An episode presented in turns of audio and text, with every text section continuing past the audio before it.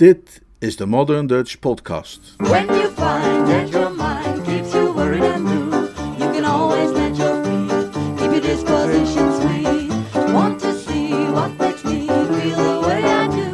We're burning gas tonight on two good reasons why. Happy feet. Onvoorwaardelijk. Een verhaal van P.G. Woodhouse uit de bundel Carry On Jeeves, kerstvers vertaald en voorgelezen door Leonard Beuger. Deel 2.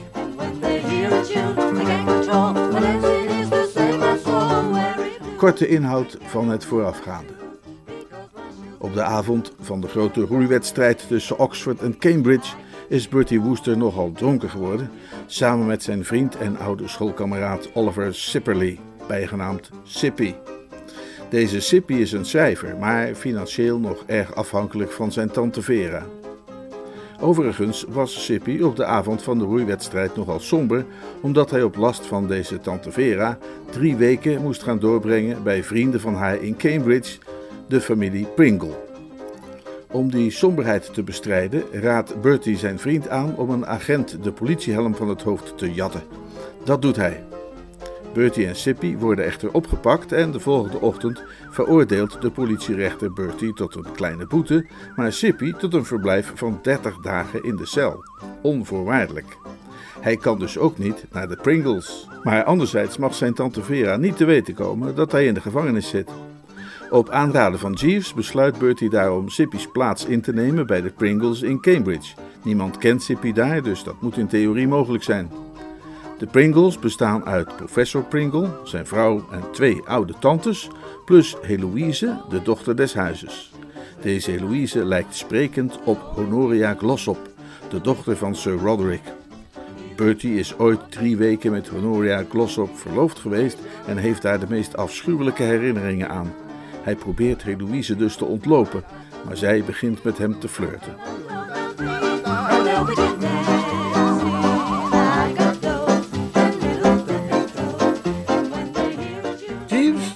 Ze werpt mij blikken toe.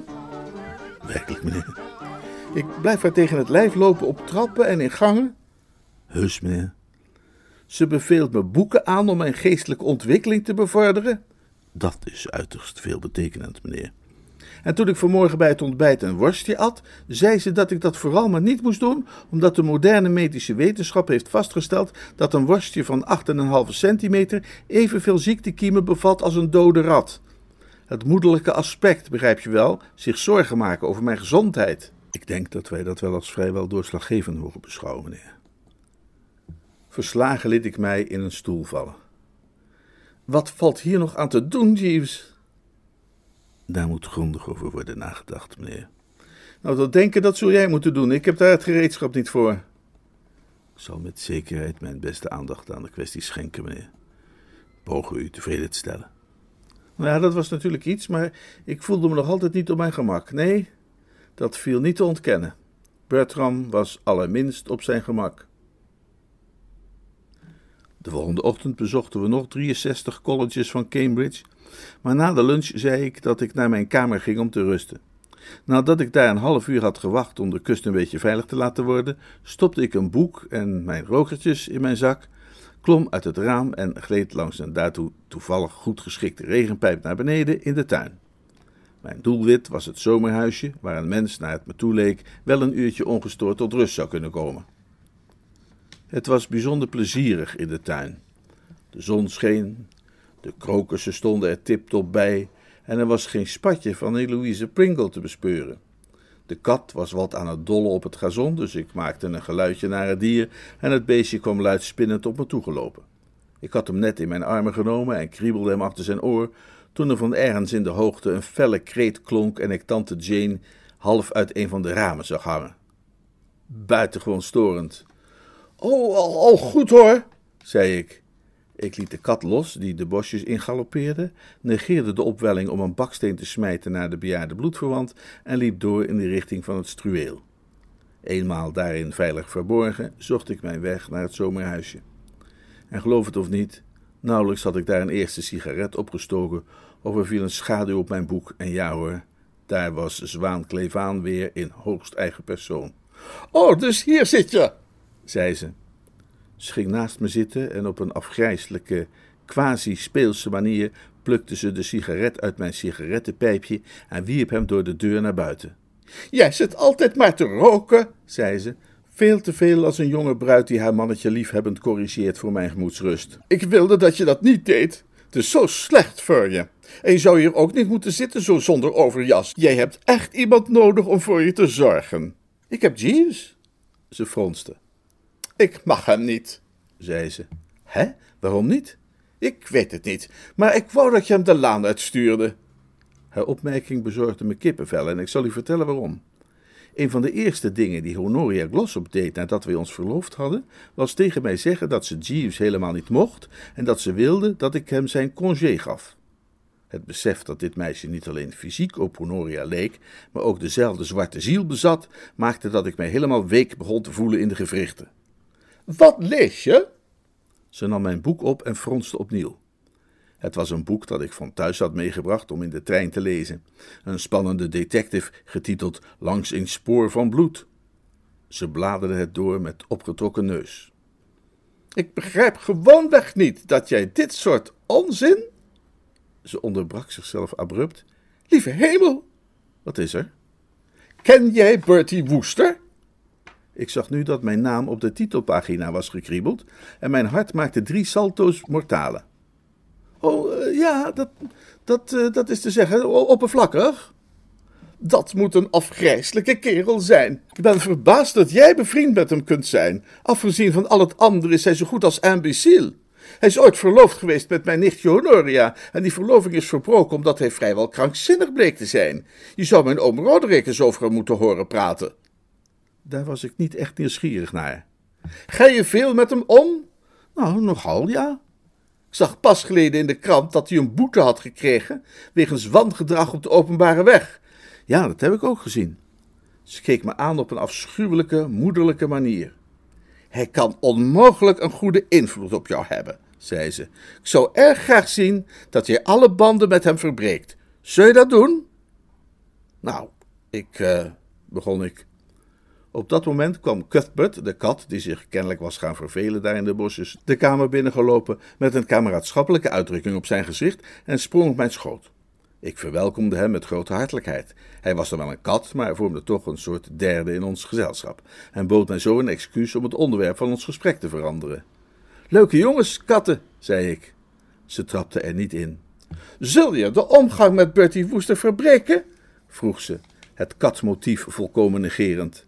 Nou, dat zou erg lastig worden. Onzin, daar is enkel wat wilskracht voor nodig.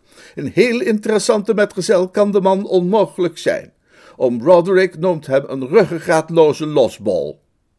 Ik had kunnen reageren met wat treffende omschrijvingen van oom Roderick, maar mijn lippen waren verzegeld als het ware. Je bent trouwens erg veranderd sinds wij elkaar voor het laatst hebben ontmoet, zei de Pringle plaag op verwijtende toon. Ze boog voorover en begon de kat onder zijn andere oor te krabbelen. Weet je nog? Dat jij, toen we kinderen waren, altijd zei dat je alles, maar dan ook alles voor mij zou doen? Heb ik dat gezegd? Ja, ik weet nog dat jij een keer moest huilen omdat ik boos was en niet wilde dat je me een kus gaf. Ik geloofde het toen niet en ik geloof het nog altijd niet. Chippy is in vele opzichten een echte sukkel, maar zelfs op de leeftijd van tien jaar kan hij zo'n zeldzame oen niet geweest zijn. Volgens mij loog ze, maar dat maakte de toestand er niet echt gemakkelijker op. Ik schoof een paar centimeter bij haar vandaan en staarde voor mij uit, terwijl het voorhoofd lichtelijk bezweet begon te raken. En toen opeens. Nou ja, je weet hoe dat gaat, bedoel ik. Ik neem aan dat iedereen op enig moment wel eens dat gruwelijke gevoel heeft gehad door een onduidelijke, allesbepalende macht te worden gedwongen een bepaalde volstrekt krankjorme daad te begaan. Soms krijg je het als je in een vol theater zit en iets je ertoe aan lijkt te zetten brand te roepen, alleen om te kijken wat er gebeurt. Of je staat met iemand te praten en plotseling word je getroffen door de dwingende gedachte: stel dat ik die kerel nu eens gewoon een enorme dreun op zijn oog geef. Nou ja, Waar ik heen wil, is dat ik op dat moment, met haar schouder gedrukt tegen de mijne en het haar van haar achterhoofd kriebelend onder mijn neus, overvallen werd door de volslagen krankzinnige aandrang om haar te kussen. Nee, nee, echt? murmelde ik. Ben je dat vergeten? Ze hief haar kersenpit op en haar ogen blikten regelrecht in de mijne. Ik voelde mezelf wegglijden. Ik sloot mijn ogen. Maar toen klonk vanaf de drempel de mooiste stem die ik ooit van mijn leven gehoord had. Geef mij die kat! Ik deed mijn ogen weer open. Daar stond die bovenste beste tante Jane, die koningin van haar geslacht, recht tegenover mij en staarde me aan alsof ik een beoefenaar was van vivisectie en zij mij had verrast tijdens een experiment. Hoe deze parel der vrouwen mij had weten te vinden, weet ik niet, maar daar stond ze. De brave, intelligente, bejaarde ziel, als de reddingsploeg in de laatste scène van een avonturenfilm. Ik wachtte geen ogenblik.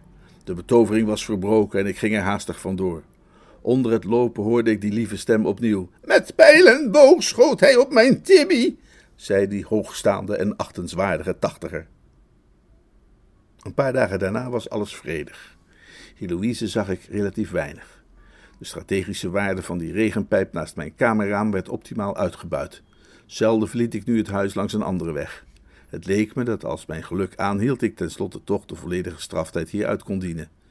Maar intussen, zoals ze bij de film zeggen.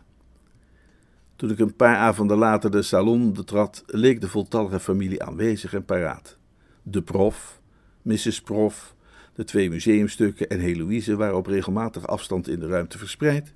De kat sliep op het haardkleedje en de kanarie in zijn kooi. Kortom, er was niets dat erop duidde dat deze avond wellicht af zou kunnen wijken van alle andere. Kijk eens aan, kijk eens aan, kijk eens aan, zei ik vrolijk. Hallo, hallo, hallo. Ik spreek altijd graag een kort woordje ter begroeting, omdat zulks volgens mij bijdraagt aan een amicale stemming. Louise keek me verwijtend aan. Waar ben jij de hele dag geweest? vroeg ze. Na de lunch ben ik naar mijn kamer gegaan. Om vijf uur was je daar anders niet. Klopt, klopt. Ik uh, had stevig gewerkt aan mijn stuk over de colleges en had behoefte aan een wandelingetje. Een mens moet bewegen om fit te blijven, hè? Mens sana in corpore sano, merkte de prof op.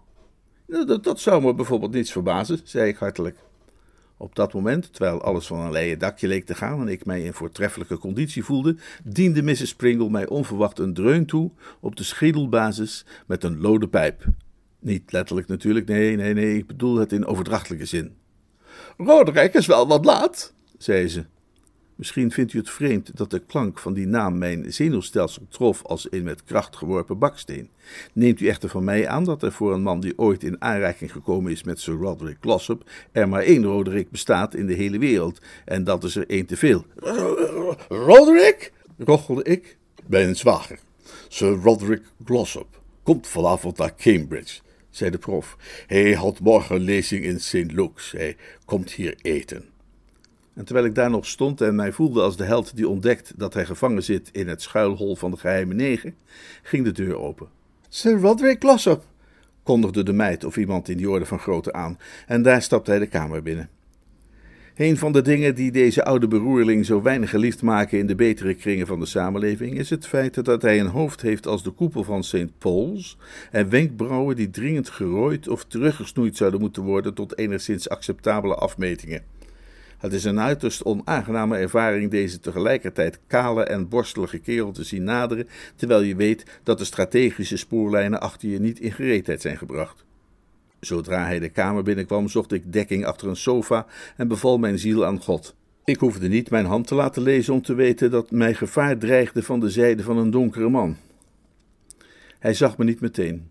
Hij schudde de prof en diens vrouw de hand, kuste Heloïse en schuddebolde wat in de richting van de twee museumstukken. Ik vrees dat ik wat aan de late kant ben, zei hij. Was een klein ongeluk op de weg, waardoor mijn zo... Op dat moment zag hij mij rondhangen in het buitengebied en hij kreunde geschrokken alsof mijn naam hem inwendig hevige pijn veroorzaakte.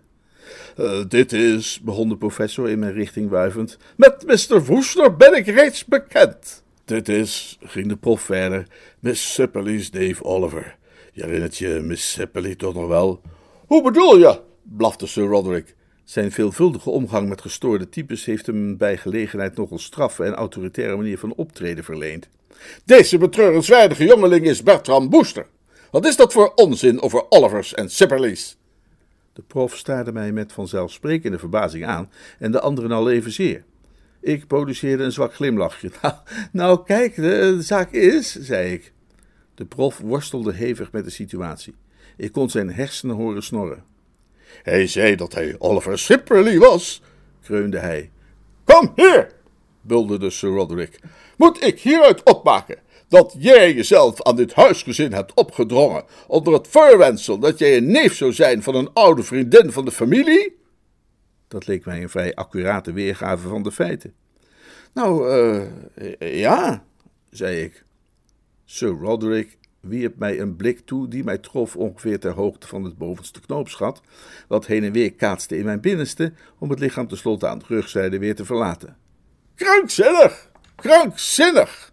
Volkomen krankzinnig, zoals ik reeds vaststelde op het eerste moment dat ik hem zag. Wat zei hij? vroeg tante Jane. Roderick zegt dat deze jonge man krankzinnig is, brulde de prof. Ah, zei tante Jane en knikte. Dat dacht ik al. Hij klautert langs de regenpijpen. Wat doet hij?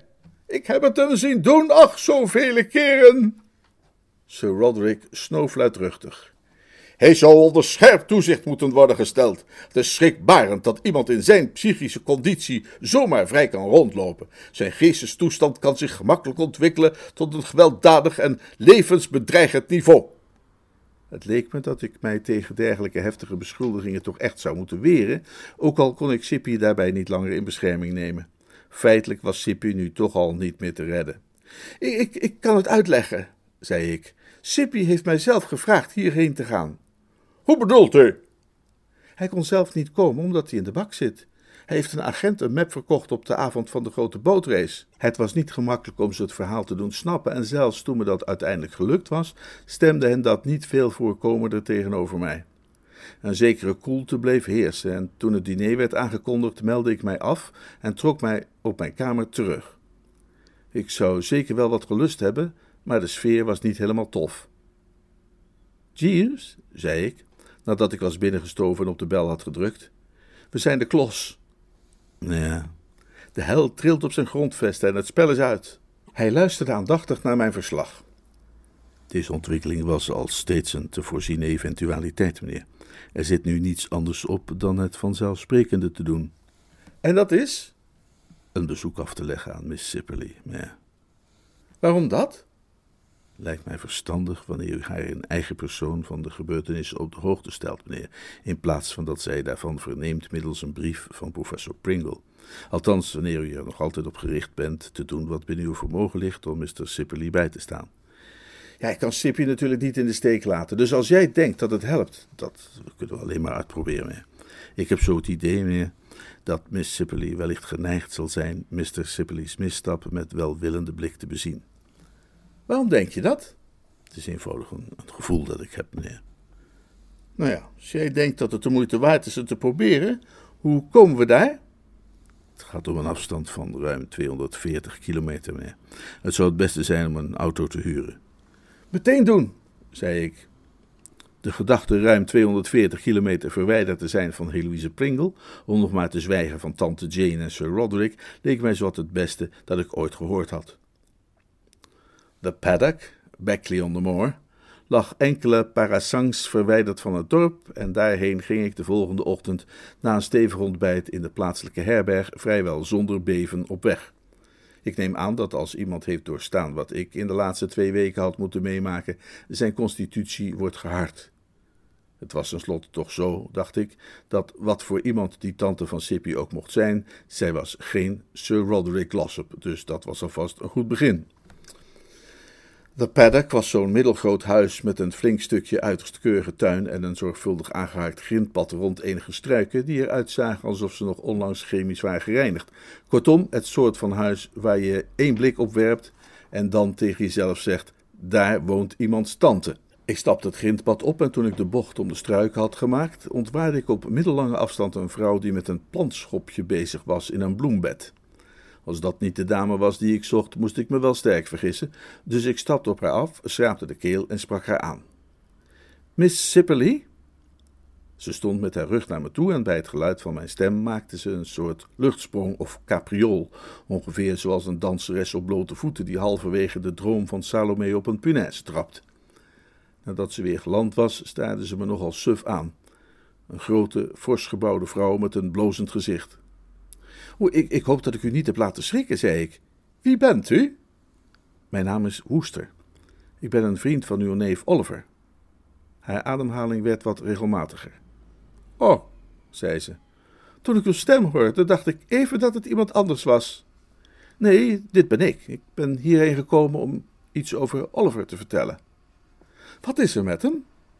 Ik aarzelde. Nu het kernpunt, de quintessens van de kwestie naderden, zoals je dat zou kunnen noemen, leek een groot deel van mijn opgewekt zelfvertrouwen te zijn verwaaid. Tja, het, het, het is nogal een pijnlijk verhaal, moet ik u waarschuwen. Oliver is toch niet ziek? Hij heeft toch geen ongeluk gehad? Haar stem klonk ongerust en ik was blij met dat bewijs van menselijk gevoel. Ik besloot zonder verder uitstel met mijn informatie voor de draad te komen. Oh nee, hij is niet ziek, zei ik. En, en, en wat betreft ongelukken hangt het er vanaf wat je een ongeluk noemt. Hij zit in de bak. In de wat? In de gevangenis. In de gevangenis? Ja, maar het was volledig mijn schuld. Op de avond van de grote bootrace liepen we wat over straat en ik heb hem toen aangeraden de helm van een politieman te pikken. Dat begrijp ik niet. Nou ja, hij zag er wat droevig uit, depressief, begrijpt u wel? En al dat niet terecht dacht ik dat het hem zou opvrolijken wanneer hij de helm zou weten te bemachtigen van een agent aan de overkant van de straat. Hij vond het zelf ook een goed idee en dus begon hij eraan, maar die politieman maakte er een probleem van en toen heeft Oliver een loei verkocht. Een loei? Een dreun, een stomp, in zijn maag. Mijn neef Oliver heeft een politieagent in zijn maag gestompt? Precies in zijn maag. En, en de volgende ochtend heeft de pruik hem voor dertig dagen naar de Bastille gestuurd. Onvoorwaardelijk. Ik had haar al die tijd bezorgd aangekeken om te zien hoe ze het op zou vatten. Maar op dit moment leek haar gezicht plotseling in tweeën te splijten. Heel even leek zij een en al mond, en daarna stuiterde zij over het gras, brullend van de lach en wild zwaaiend met haar plantschopje. Het leek mij een groot geluk voor haar dat Sir Roderick daarbij niet aanwezig was. Hij zou binnen dertig seconden haar hoofd hebben omkneld en om een dwangbuis zijn gaan roepen. Bent u niet boos? vroeg ik. boos? grijnsde ze vrolijk. Ik heb van mijn leven nog niet zoiets geweldigs gehoord. Dat maakte mij blij en opgelucht. Ik had gehoopt dat het nieuws haar niet al te zeer zou schokken, maar ik had nooit verwacht dat het zo feestelijk zou inslaan. Ik ben trots op die jongen, zei ze. Nou, dat is mooi. Als elke jongeman in Engeland met enige regelmaat politieagenten in de maag zou stompen, zou dit een beter land zijn om in te leven. Ik kon haar denktrand niet helemaal volgen, maar alles leek zo in orde te zijn, dus na nog wat opgewekte woorden, zei ik haar gedag en aanvaarde de terugweg. Jeeves, zei ik toen ik terug was in de herberg, alles is in orde. Maar hoe dat nu precies komt, is me volkomen onduidelijk. Wat is er precies gebeurd bij uw bezoek aan Miss? Nou, ik vertelde haar dat Sippy in de lik zat vanwege een aanslag op de politie, waarop zij in een hartelijk gelach uitbarstte, vrolijk met haar schepje zwaaide en mij zei dat ze trots op hem was. Ik denk dat ik haar op het eerste gezicht zo excentrieke gedrag wel kan verklaren, meneer. Het is mij ter oren gekomen dat Miss Sippely in de afgelopen weken bijzonder veel last heeft gehad van de politieagenten daar ter plaatse. Dat heeft ongetwijfeld geresulteerd in een vooroordeel harerzijds tegen de politieorganisatie als geheel. Echt waar? Hoe zat dat dan? De betreffende politieman is wat overijverig geweest bij de uitvoering van zijn taak, meneer. Bij niet minder dan drie gelegenheden gedurende de laatste tien dagen heeft hij Miss Sippely bekeurd uh, voor het overschrijden van de maximumsnelheid in haar auto, voor het onaangelijnd laten verschijnen van haar hond op de openbare weg en voor het nalaten van het tijdig vegen van haar schoorsteen. Daar zij in het dorp een autocratische positie inneemt, wanneer ik dat zo mag uitdrukken, was Miss Sippely gewend dat dergelijk gedrag voor haar ongestraft bleef, en de onverwachte beroepsijver van de agent heeft haar bijzonder ongunstig gestemd tegenover politiemensen in het algemeen. Zodoende is zij ruimdenkend en zelfs welwillend komen te staan tegenover aanslagen als die van Mr. Sippely. Ik zag wat hij bedoelde. Wat een verbazend gelukkig toeval, Jeeves. Ja, meneer. En hoe ben jij dat allemaal te weten gekomen? Mijn zegsman was de politieagent zelf, meneer. Hij is mijn neef. Ik gaapte hem aan. Ik zag, om zo te zeggen, opeens het hele plaatje. Goeie hemel, Jeeves. Je hebt hem toch niet omgekocht? Oh nee, meneer. Maar vorige week vierde hij zijn verjaardag En ik heb hem bij die gelegenheid een presentje doen toekomen. Ik ben altijd erg op Egbert gesteld geweest, meneer. Hoeveel? Het was een kwestie van vijf pond, meneer. Ik tastte in mijn zak. Alsjeblieft, zei ik. En hier zijn er nog vijf voor jou. Dank u zeer, meneer. Gier, zei ik, jij gaat je ongekende gang vol donkere majesteit. Je vindt het niet erg als ik een paar maten zing, is het wel? Volstrekt niet, nee.